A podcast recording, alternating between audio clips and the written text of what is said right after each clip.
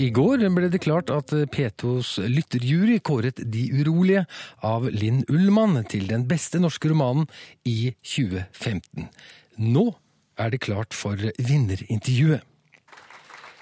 Vi setter direkte over til Drammen bibliotek, og som vi hører er det allerede god stemning. På scenen står programleder Marta Norheim klar til å ønske velkommen.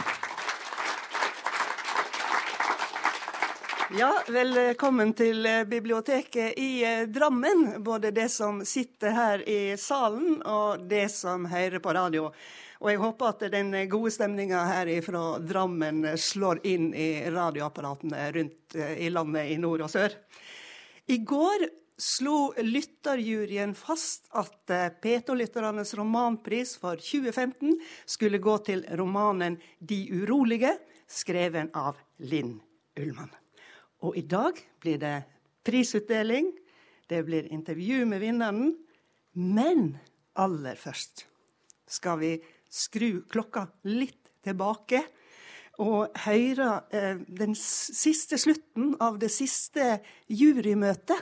Og i tillegg litt ifra telefonsamtalen mellom eh, kollega Arild Jonsjord og vinneren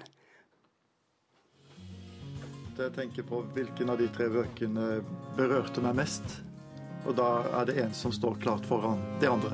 Den boka til Linn Ullmann syns jeg at hun gransker med et kjærlig blikk. Så det er på en måte både takknemligheten og kjærligheten til foreldrene. Dette her er jo en helt ufattelig jevn jury. Altså, uh, alt inkludert av Marit Eikemo får elleve poeng. Fortellingen om Øde av Ida Hegassi Høyer får tolv poeng. Og Linn Ullmann, De urolige, får 13 poeng.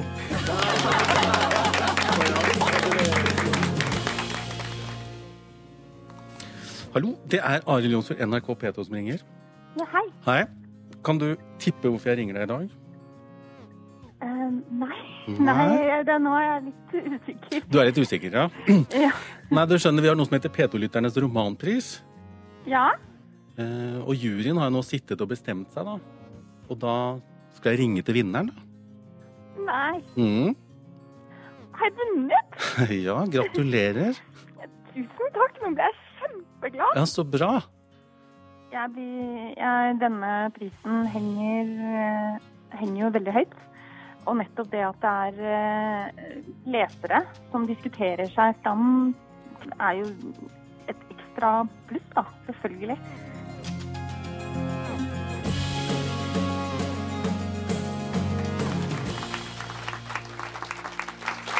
Ja. Linn Ullmann er her, fremdeles glad, håper jeg. Eh, artisten Vårin Strand er her. Halve juryen er her. Og siden dette er lytterne sin pris, så vil jeg aller først gi ordet til en av årets eh, jurymedlemmer som vil si noen ord. Vær så god, Fredrik Gulbrandsson.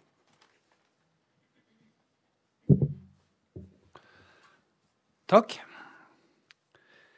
I januar 2016 så har jeg opplevd mye. Og mye av det har vært eh, veldig flott og berikende. Jeg må innrømme at eh, når jeg ble valgt ut til den juryen, så var jeg både overraska og glad. Jeg har vært sammen med Anna Marie, Nils, Per, Taranika og Toril. Og vi har fått lov til å lese seks bøker som vi fikk tilsendt. 2000 sider. Bøkene handler om tid for ettertanke, tanker å ha kontakt med dem som betyr noe for det, kjærlighet i mange dimensjoner.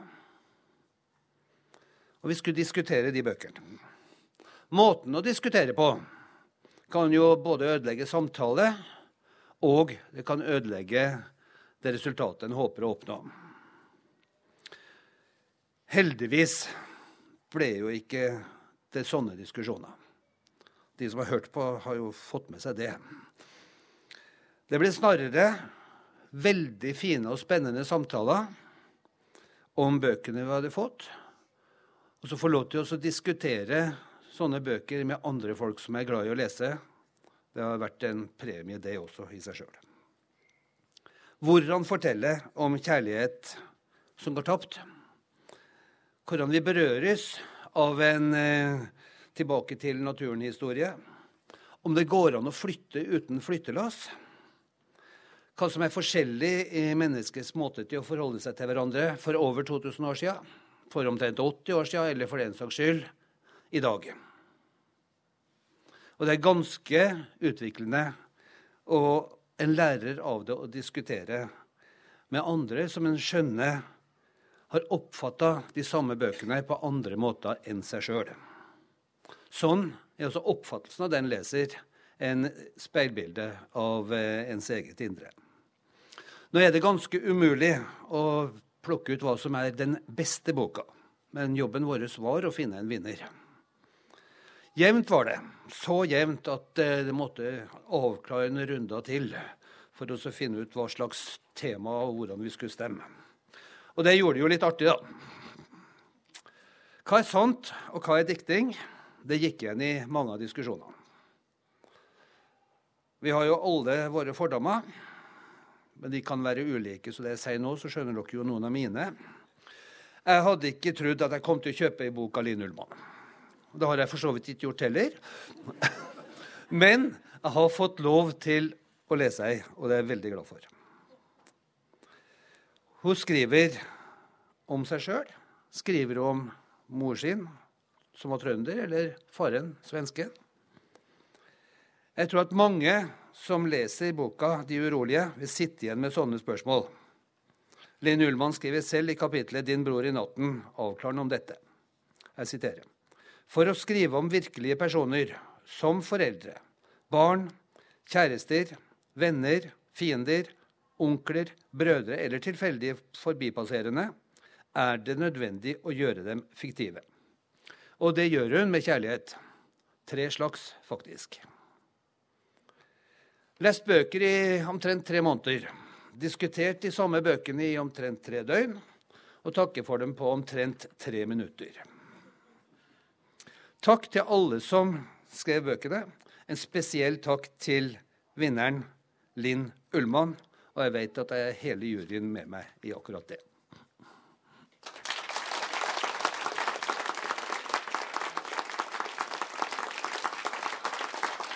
Ja, takk til eh, Fredrik Gulbrandsson. Dette er 19 gangen vi deler ut eh, P2-lytternes romanpris. Og i løpet av de 19 åra så har sånn ca. et par tusen eh, eh, lyttere meldt seg til tjeneste. Nøyaktig 113 personer har sittet i juryer.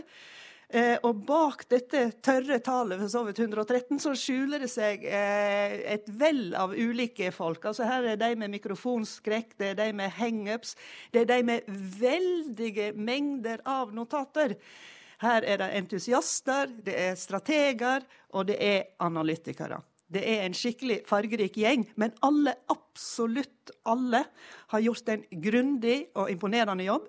Eh, både før de kommer i NRK, og når de sitter i studio i NRK. Og Det gjelder ikke minst årets lytterjury, men jeg må være så ærlig å si at det, det er de siste i ei god og lang rekke. For dette er noe som folk tar alvorlig.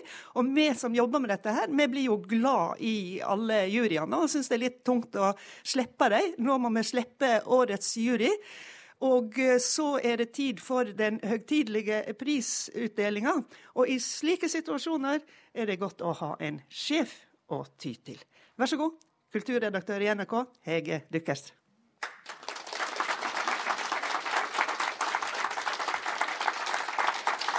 Tusen takk, eh, Marta. Det er jo en av de hyggeligste oppgavene som jeg har som kulturredaktør i NRK, å få lov å dele ut eh, denne prisen.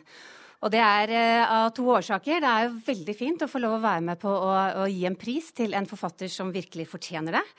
Uh, og for det andre så er det stas for meg å få være med på uh, å dele ut en eh, pris eh, som jeg opplever at har noe med det beste av NRK å gjøre. altså Hvor vi har satt våre fagfolk, som har lest romaner gjennom hele året, og som har plukket ut de seks viktigste romanene. Og så er det eh, lytterne som har fått være med på å velge ut, og de har hatt masse og fine diskusjoner for åpen, eh, diskusjon, for åpen mikrofon. Så i år så ble det altså De urolige av Linn Ullmann. Og om denne romanen så sier juryen da bl.a. dette. En modig, varm og ærlig roman som blir allmenngyldig, selv om den handler om en konkret familie. Den tipper aldri over i å bli privat, men er personlig og en fortelling som mange kan kjenne seg igjen i. Ullmann skriver vakkert om barndom, oppvekst og aldring. En roman om å huske og ta vare på. Forfatteren skriver frem et barns motstandskraft og styrke gjennom å reflektere over bevisstheten om sin egen plass i verden. De urolige er en viktig bok som sier noe om at kjærlighet er et arbeid som må gjøres. Forfatteren gransker foreldrene med et kjærlig blikk. Boken uttrykker både takknemlighet over det som var, og sorg over det som ikke var til stede i barndommen. En helhetlig og komplett bok. Den er bundet sammen på en spennende måte. Det sier juryen. Så da vil jeg be Linn Ullmann om å komme og ta imot prisen, som er på 20 000 kroner og et trykk av Ørnulf Oppdal som heter 'Vestkyst'. Og nå kan dere klappe.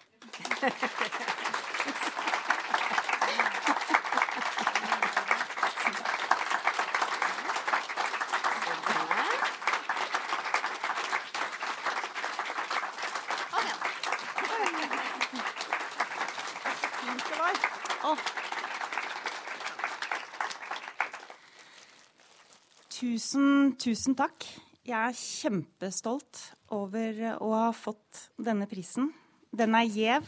Den henger høyt for eh, forfattere. Eh, den er gjev fordi at mange flotte forfattere har fått den før meg. Eh, den er gjev fordi den er en kombinasjon av en fagjury som, som nominerer, og en lytterjury som diskuterer seg fram til en vinner. Jeg er uh, utrolig glad og stolt og takknemlig og vil takke for spennende diskusjoner fra lyttejuryen som, uh, som jeg har hatt glede av å lytte på. Tusen, tusen takk.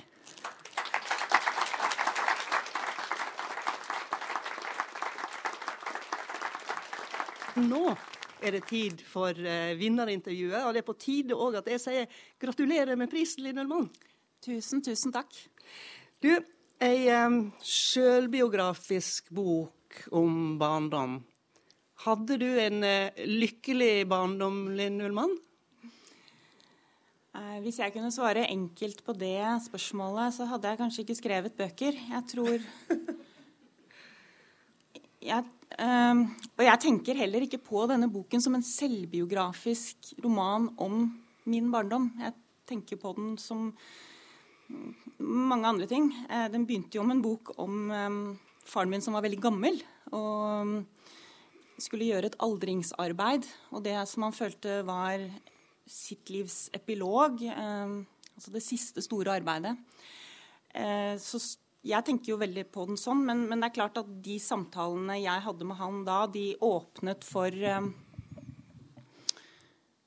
for mange refleksjoner om uh, hvordan vi husker uh, hvordan vi husker hverandre, hvordan vi husker oss selv. Uh, hvem vi er i hverandres historier. Da. Altså, det å huske er jo å fortelle historier. Så for meg så er dette veldig en roman om å fortelle prøve å fortelle en historie. Og prøve å se de andre, og de som både har eh, du har fortalt om, og som har fortalt om deg.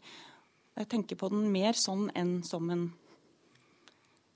som dette med det, altså Forfattere bruker jo alltid sitt eget liv Stort sett. Veldig mye. Men det ligger jo nettopp i spenningsfeltet mellom det allmenne og det spesifikke eh, i romaner. Iallfall hvis vi skal kommunisere ut til, til folk. Og eh, jeg tenker i denne, denne, romanen er jo det spesifikke nokså identifiserbart. Ikke minst, Da var jeg nesten litt overraska over du hadde et bilde av eh, far din og, og, og deg på framsida, så du, du, er vel nærmere der enn vanlig. Og jeg må si jeg ble litt overraska over det. for jeg, jeg tenker at du uh, tidligere, sånn som jeg har forstått deg, har signalisert at du holder deg veldig langt unna egentlig eh, ditt eget liv, da. Men eh, hva, har du, har du skifta mening, eller, eller, leser denne romanen annerledes enn du leser den? Jeg tror denne er opplagt altså Det er klart at her så er det mer sånn opplagt eller tydelig at jeg bruker eget liv. Eh, og, og, det er helt riktig at på omslaget så er det et, et sånn utydelig eh, snapshot av faren min og meg eh, eh for, som er tatt for veldig veldig mange år siden. Og det er kjempeutydelig og kjempe ute av fokus, det bildet. Eh, jeg aner ikke hvem som tok det. Jeg syns vi ser skikkelig barske ut, og det var derfor jeg valgte det. For eh, han ser barsk ut, og jeg er vel kanskje en syv-åtte år på det bildet og ser også ganske barsk ut. og det... Litt gutt, nesten, vil jeg si. Nei, ja, nei, men, barsk, nei, barsk, ja. Og, og, det var et eller annet med at jeg trengte kanskje å gå til de to litt barske typene som satt der, mm. for å tørre å skrive denne boka. Um, og, men jeg tror ikke at jeg ti... Altså, jeg har ikke egentlig altså I tidligere bøker har jeg også brukt av eget liv og egen erfaring. Det gjør forfattere. Det er den måten vi har. Og romanen er det stedet å gjøre det hvor man, hvor man går, går, så langt inn i egen erfaring og prøver å se hvordan kan jeg bruke den til å øh, vende blikket utover. Mm. Og si noe som er ikke privat, men som kan oppleves og erkjennes av mange. Ja, og da har du jo åpenbart klart. altså, og juryen, eh, Noen i juryen sa at eh, de gikk til denne boka med en liten sånn se og hør-følelse. At de skulle på en måte komme inn i eh, livet til eh, to kjente personer. Men da glemte de veldig fort når de begynte å lese. Nettopp fordi at det er en eh, allmenn historie du forteller. Men føler du en, en ekstra forpliktelse når det nå er eh, rimelig å tenke at det er et visst slektskap mellom romanen og eh, gjengen? Eller er det som å skrive en Jeg tror at enhver forfatter som, som, som, jobber seriøst som forfatter, som tar det å skrive med uh, stort alvor, går til boka litt sånn på liv og død. Dette, dette, dette. med en slags følelse Dag Solstad, tror jeg, jeg tror det var han som sa en eller annen gang at uh, han skriver de romanene som han vet at han ikke får til å skrive. Og jeg tror at uh, Og det kjenner jeg meg veldig igjen i. Han er en av mine yndlingsforfattere. Så, um, og jeg kjenner meg igjen i det. Man, man, man, man, skriver jo ikke de romanene som man tenker at eh, dette får jeg til. Eh, jeg har aldri, jeg har skrevet romaner i veldig mange år nå, og har vel egentlig aldri eh, beveget meg i, i um, det tabloide egentlig har vel mitt forfatterskap eh, Og jeg tenker at romanen som form har vært en, et forsøk på å virkelig eh, være et motspråk. Det var et ord vi brukte for mange år siden når man snakket om litteratur, men eh, kanskje på sin plass å bruke her igjen. Altså være noe annet, da. Eller et alternativ til til til det, tabloide også i denne boken. Eh, jeg tenker jo ikke Jeg går jo ikke til mitt liv med en Hva var det du sa? Se og hør. Um, vinkling. Tilnærming. Jeg går jo ikke til min skriving eller til mitt arbeid og skriver heller ikke om personer eh, Det vil jo være frykt veldig kjedelig. Og nå er jo dette den sjette boka, sjette romanen jeg har skrevet. Jeg har jobbet lenge som forfatter, så um, Vi er alle glad for at du ikke har den se og hør-vinklingen. Ja, altså, jeg, jeg, jeg, visste jeg, visste egentlig ikke at det var et um, tema med mine bøker lenger nei, i det hele tatt. Og, nei, bare for å klargjøre, det er ikke tema med dine bøker, men det kunne være en forventning når du kom til, eh, til boka at den var biografisk. Vi skal slippe det der biografiske, som jo er en sånn eh, egentlig en grunnleggende sett vanskelig ting å snakke om. Eh, men jeg har lyst til at du skal lese noe ifra eh, romanen. Eh, og det handler akkurat om, eh, om denne, denne, balanseringen, eller hva det er en gjør når en er inne i sine egne ja. Eh, marker. Ja, og jeg tenker at Man må ikke slippe det biografiske, for det er interessant hvordan alle forfattere hvordan de problematiserer og undersøker hva det er som gjør oss til de menneskene vi er. Um, for å skrive om virkelige personer som foreldre, barn, kjærester, venner, fiender, onkler, brødre eller tilfeldig forbipasserende, er det nødvendig å gjøre dem fiktive. Jeg tror at det er den eneste måten å blåse liv i dem på. Å huske er å se seg rundt, igjen og igjen, like forbauset hver gang. Det selvbiografiske arbeidet begynner med en følelse av å være helt alene skriver John Berger. Jeg ville se hva som skjedde hvis jeg lot oss vokse frem i en bok som om vi ikke hørte hjemme andre steder. For meg var det sånn. Jeg husket ingenting, men så kom jeg over et fotografi av Georgia O'Keefe som minnet meg om faren min. Jeg begynte å huske. Jeg skrev 'Jeg husker' og ble ille til mote med en gang fordi jeg forsto hvor mye jeg hadde glemt. Jeg har noen brev noen fotografier, noen spredte lapper jeg har spart på, uten at jeg kan gjøre rede for hvorfor jeg sparte på akkurat de lappene og ikke på andre. Jeg har seks samtaleopptak med faren min, men da vi gjorde opptakene, var han så gammel at han hadde glemt det meste av sin egen og vår felles historie. Jeg husker det som skjedde. Jeg tror jeg husker det som skjedde, men noe har jeg sikkert funnet på. Jeg kommer på noen fortellinger som ble fortalt om og om igjen, og fortellinger som ble fortalt bare én gang. Av og til hørte jeg etter, og av og til hørte jeg etter med bare et halvt øre. Jeg legger alt dette ved siden av hverandre, legger det oppå hverandre, lar det støte mot hverandre, prøver å finne en retning. Takk for det. Um, altså Ja.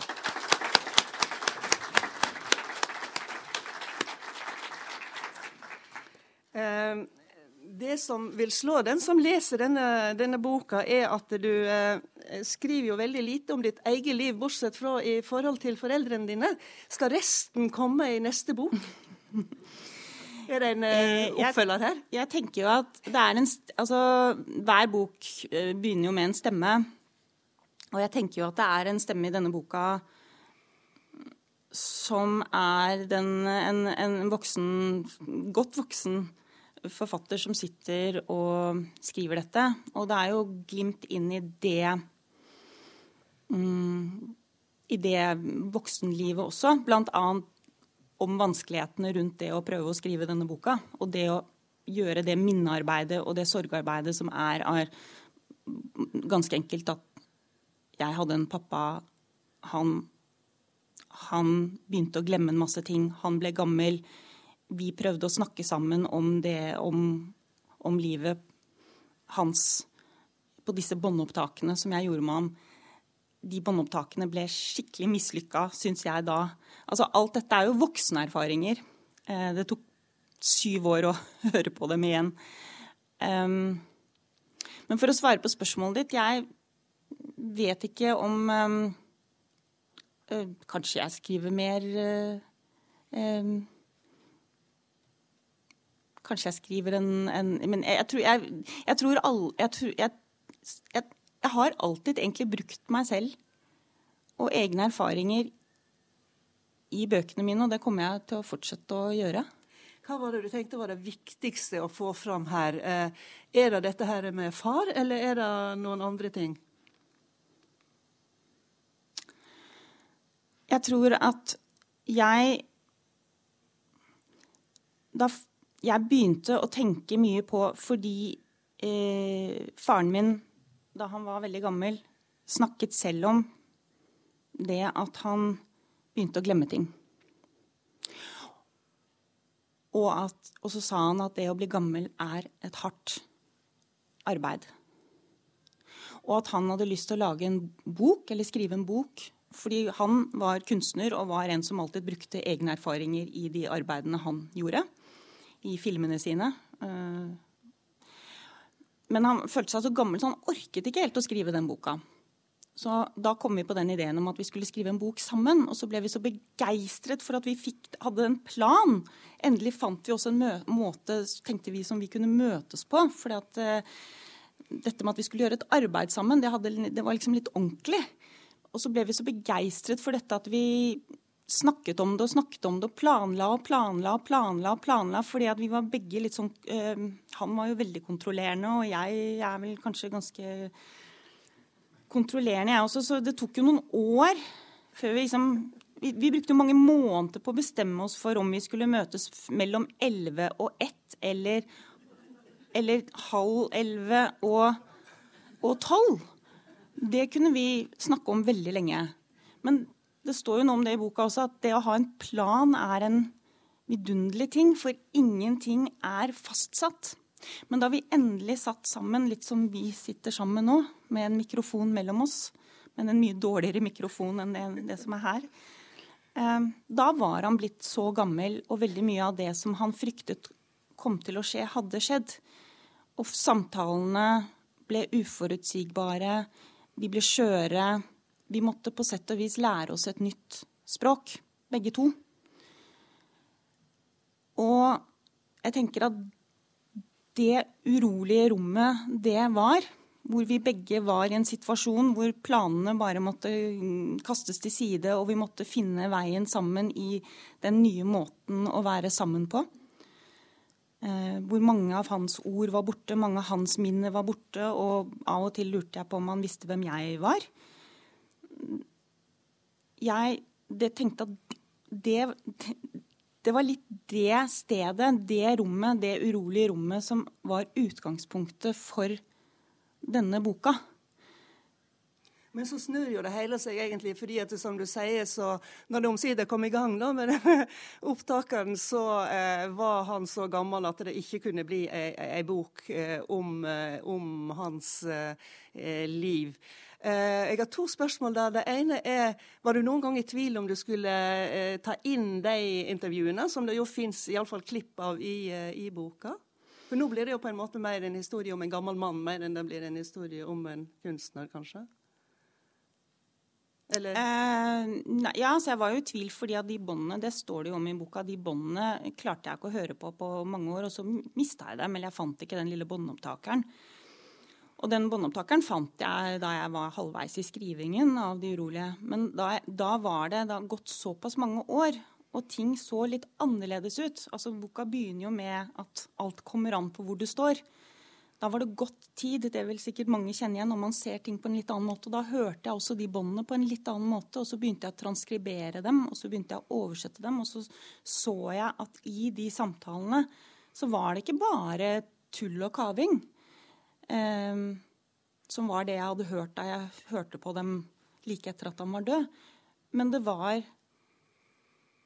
Det var eh, en eller annen merkelig form for klarhet og presisjon som jeg ble eh, bare syntes var så fint å høre på da. Og, og selvfølgelig er de redigert, disse båndene, men da var jeg ikke i tvil om at jeg skulle bringe, det, bringe de inn. Eh, både å vise um, uklarheten, men, um, eller forvi forvirringen, eller strevet. Men også den veldige eh, klarheten. Um, ja, nei, De er veldig vakre, jeg er enig i det. De er veldig vakre. Ja, det vet jeg ikke, men, jo, nei, men, men, men at, det en, at, det fantes en, klarhet i det. Og det var jo i det å skrive er jo det å prøve å bevege seg i det rommet mellom det klare og det som er dunkelt.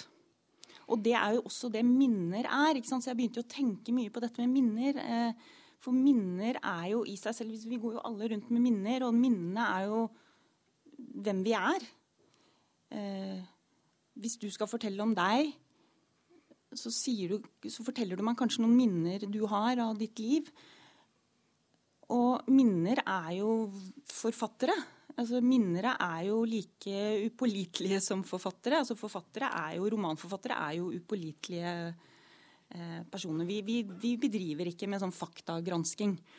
Men eh, når noen forteller om et minne de har, så det, det, altså det er jo i seg selv altså Minner er i seg selv av natur upålitelige.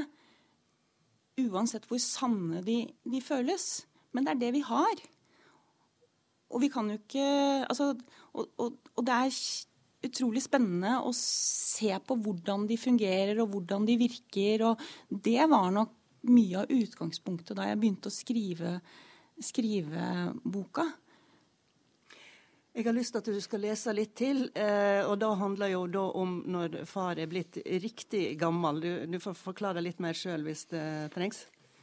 Ja, her, han, her, har jeg sluttet å ta opp samtaler. Så i denne boka er det jo både samtaler vi har som er på bånd, men, men, også noen samtaler som ikke er på bånd. Og vi sitter der vi alltid sitter på en brunbeiset benk. Og det jeg husker at han sa de sist, altså den, helt den siste tiden han levde, og det står det vel om også, så, så begynte han å si at han ville dra til moren sin. Moren var jo død 40 år tidligere. Han ville dra til hennes landsted på Våroms. Og første og andre gangen han sa dette, så sa jeg, men pappa, hun er jo død. Og da ble han veldig sint, og da ville han egentlig at noen skulle ringe etter en drosje, sånn at jeg kunne dra, for han ble så sint for at jeg protesterte. Og så tenkte jeg men jeg vil ikke ta en drosje, jeg vil ikke dra herfra. Så neste gang han sier dette, så får jeg vel heller bare være med, da. For å treffe det som da var min farmor på Våroms. Og her er den samtalen. Vi sitter ved den brunbeisede benken på Hamars og ser utover plassen. Jeepen, sykkelen, furua. Han ber meg hente skoene. Hvilke sko, pappa? Skoene mine, de som står i skapet på soverommet. Joggeskoene dine? De hvite. Men du har dem jo på deg. Det er godt, for nå skal vi dra. Hvor skal vi dra? Vi skal til mor på Våroms. Kan jeg få være med? Det er klart du skal være med. Jeg lurer bare på om vi skal ta toget, men jeg har bestemt at vi tar jeepen. Men pappa, jeg har ikke sertifikat. Jeg kan ikke kjøre. Han vrir seg irritert i rullestolen. Det er jo ikke du som skal kjøre, da. Så bra. Det er jeg som skal kjøre. Ja, jeg skjønte det. Vi drar om en liten stund. Til Våroms. Har du vært der? Nei, aldri. Har du vært i Dalarna? Nei. Mitt hjerte, hvor har du egentlig vært? Jeg har ikke vært i Dalarna. Ja, men da skal du høre. Først henter du skoene mine, og så setter vi oss i jeepen, og så kjører jeg. Syns du vi skal stoppe ved kirken? Det syns ikke jeg. Det er ikke lørdag i dag og ingen helgemålsringning. Ingen klokker. En gang satt jeg der og ventet på at klokkene skulle ringe. Da kom ikke klokkeren, og klokken ble seks, og den ble fem over seks og ti over seks, og jeg satt der og ventet som en idiot. Jeg ville tenne et lys for Ingrid. Jeg ville tenne et lys og da klokken ble kvart over seks, tok jeg stokken min og marsjerte opp trappen til tårnet og dro i klokkene selv. Presten møtte meg i trappen og sa jeg ikke kunne være der oppe, og at det var noe feil med strømmen, at det var derfor det ikke var noen helgemålsringning i dag. Men da sa jeg at man har da for faen tau! Punktlighet, mitt hjerte. Punktlighet. Og nå skal vi ikke sitte her og snakke, du skal hente skoene dine, mine, og vi skal rekke fergen. Vi skal ta to ferger, først den lille og så den store. Har du noe imot at vi tar en avstikker til Uppsala? Det er en omvei, men jeg vil vise deg hvor jeg bodde da jeg var barn. Har du vært i Uppsala? Nei. Nei vel, det kan ikke hjelpes. Og så spiser vi lunsj. Jeg vet om et sted på veien der vi kan stoppe og hvile en stund.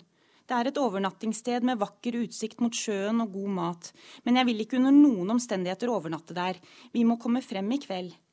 Vi kan sitte ute en stund og nyte det fine været, og du kan få vin hvis du vil.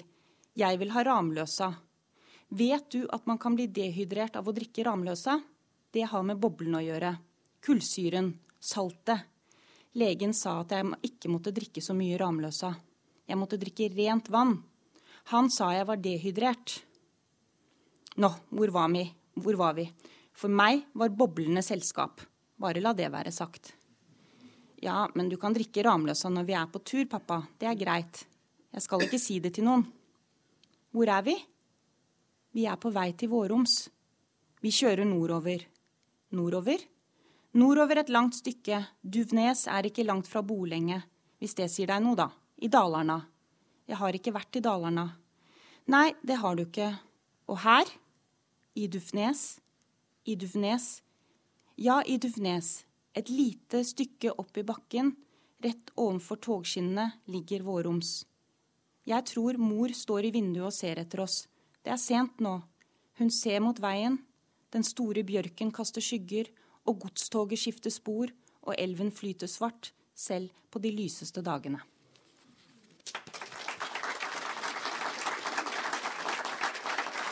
Um, Linn Ullmann, jeg har lyst til at vi skal snakke litt om det jeg tenker er kanskje noen ting som går igjen i flere av bøkene dine. Mm. Og når jeg satt og så på bunken av bøker, så festa jeg meg altså ved titlene. Før du sovner, når jeg er hos deg, nåde, et velsignet barn, det dyrebare. Altså, det høres så snilt ut. Og eh, det er nesten som om det er oppbyggelige bøker med et religiøst tilsnitt eller noe for barn på, på sengekanten. Um, det er et slags misforhold mellom det inntrykket som tekstene, eller disse titlene kan gi, og innholdet. Mm, jeg er ikke helt enig at. Altså, jeg tenker sånn um, nå, Nåde og de urolige, f.eks. Jeg tenker ikke at det er snille ord. Det er, altså, nåde er et stort og nesten litt skremmende ord. Og eh, det er en veldig eh, ganske enkel bok med, med, med små ord. Eh, et, et, lite kammerspill. Eh, eh, de urolige er jo en ganske ja, urolig tittel. Ja, du holdt den med er de andre. Sånn. Velsignelse og sovne og litt sånn fine ting. Ja, altså hmm. Jeg tenker jo at eh, flere av titlene, kanskje når du sier det på den måten, så tenker jeg Jeg har alltid vært opptatt av um, gamle vuggeviser og gamle vuggesanger som um, Som har det i seg at de på sett og vis eh, vil beskytte barnet, men i sangen så er det også slik at den som synger, vet veldig godt at det er helt umulig å gjøre. Eh, og så det er noe tvetydig kanskje ved alle titlene, hvis vi skal lese dem sånn som du gjør det. Altså at det er altså et velsignet barn. Eh, det er jo fint å tenke seg at hvert barn når hun eller han blir født, at noen ønsker det vel. Um, I boka 'Et velsignet barn' så det jo, handler det jo om et barn som det ikke går uh, veldig godt med. Som blir uh, blir drept, enten i en lek som går for langt, eller i, i vold altså, i et volds av andre barn som ikke skjønte at det de drev, kanskje var vold. Mm. Så disse altså igjen, Jeg er veldig glad i en forfatter som heter Alice Munro, eh, som skriver noveller. Og det som jeg liker så godt med hennes noveller, er at man eh, leser Og så tenker man sånn man begynner på novelle, og så tenker man sånn Å ja, men nå Jeg vet sånn cirka hvor jeg er nå. Jeg kjenner meg igjen i denne stemmen. Eller jeg, jeg vet jeg vet hvor jeg skal, kanskje til og med. Og så plutselig så så tar hun deg et helt annet sted, og gjerne til en avgrunn som du ikke engang ante var der. Uh,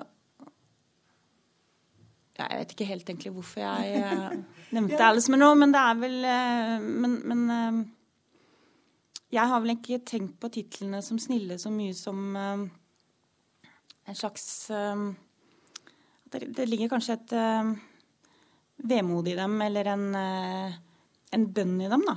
Kanskje nesten noe besvergende? Eller noe besvergende, ja. Og, og, en tvetydighet. Ja, en tvetydighet. Nei, men Det er interessant. for jeg, jeg tenker at Det som, det som veldig ofte uh, fins inni bøkene, er jo vil jeg si, kanskje en, en, viss fascinasjon for det ekle. Altså En ting er å spise meitemark, det har vi jo alle gjort. Men uh, en annen ting er å spise flått etter at flåtten har sugd i seg blod. Det er ekkelt. Barn gjør, altså det, det, er vel fra et velsignet barn. Og jeg, altså En av mine sterkeste barndomsminner geografien i romanen 'Et velsignet barn' er, ligner jo veldig på geografien i uh, 'De urolige'. Altså Der heter øya Hammarsjø. Her heter øya uh, Fårö. Men, uh, men, jeg husker jo at mine somre på Fårö altså altså jeg, jeg husker en sånn enorm fascinasjon med flåtten. Altså, jeg kunne snakke i timevis om flåtten, og da var det ikke at man var redd for borrelia og disse tingene, men altså, det er og jeg tror jeg har det til felles med, altså hadde det til felles da jeg var barn, med mange barn. altså En sånn fascinasjon for liksom det, altså, det skikkelig ekle. Um, det er fint. Eh, men, eh, og det stopper jo ikke der liksom, med å knaske flott og sånn. Altså, du, du, tar jo, ja, du tar jo alltid livet av noen, Linn Ullmann. Det har ikke vært ei eneste bok uten at du har tatt livet av noen. Du, ja, folk Altså, jeg skriver ikke Sandemose som skriver, sa at alle romaner handler om eh, mord og kjærlighet. Si meg én bok som ikke, handler, som ikke på en eller annen måte går inn i eller tematiserer eller tenker på mm, dø, Hva er det å leve og dø og, og bli glad i noen? Ehm, men det er riktig at eh, noen alltid eh, dør i bøkene mine, ja. Ja, ehm, og Det har du tenkt å fortsette med, uten å gå over til krimmen, kanskje? Det, krimmen er en interessant sjanger fordi den nettopp altså Det er alltid spennende, og det har jeg gjort i flere bøker, altså brukt elementer fra kriminallitteraturen. Fordi at den, den setter jo Altså, i de aller beste kriminalbøkene så setter jo leseren i et slags sånn Hva er det som egentlig skjer her? Eh, det, det, som kan være kjedelig med mange krimbøker, er at det, at det kommer en slags oppklaring altså Det kommer en oppklaring på slutten hvor, hvor, alt er avklart. Jeg tenker jo at De beste romanene er jo der hvor man kommer ut på andre siden og kanskje har flere spørsmål enn man hadde da man gikk inn. I hvert fall er det sånn for meg å skrive dem. Jeg er ikke så mye jeg skjønner, Det er ikke så mye mer jeg skjønner etter at jeg har skrevet den, men jeg, jeg har kanskje enda flere spørsmål. Eh, og er enda mer tvilende. Tvil er for meg sånn utgangspunkt for å skrive, og også for å lese. Det ligger jo òg igjen en eh, uforklart eh, eh, rest i de personene som du presenterer oss for, og det er vel kanskje noe av det du snakker om. Dette skulle vi gjerne snakka mer om, men nå går tida noe veldig fort her. Og jeg må rett og slett si takk til deg, Linn Ullmann, for dette intervjuet. Og nok en gang til lykke med P2-lytternes romanpris. Tusen, tusen takk. Denne direktesendinga er nå nesten helt slutt. Takk til alle som møtte opp her her på Drammen bibliotek til.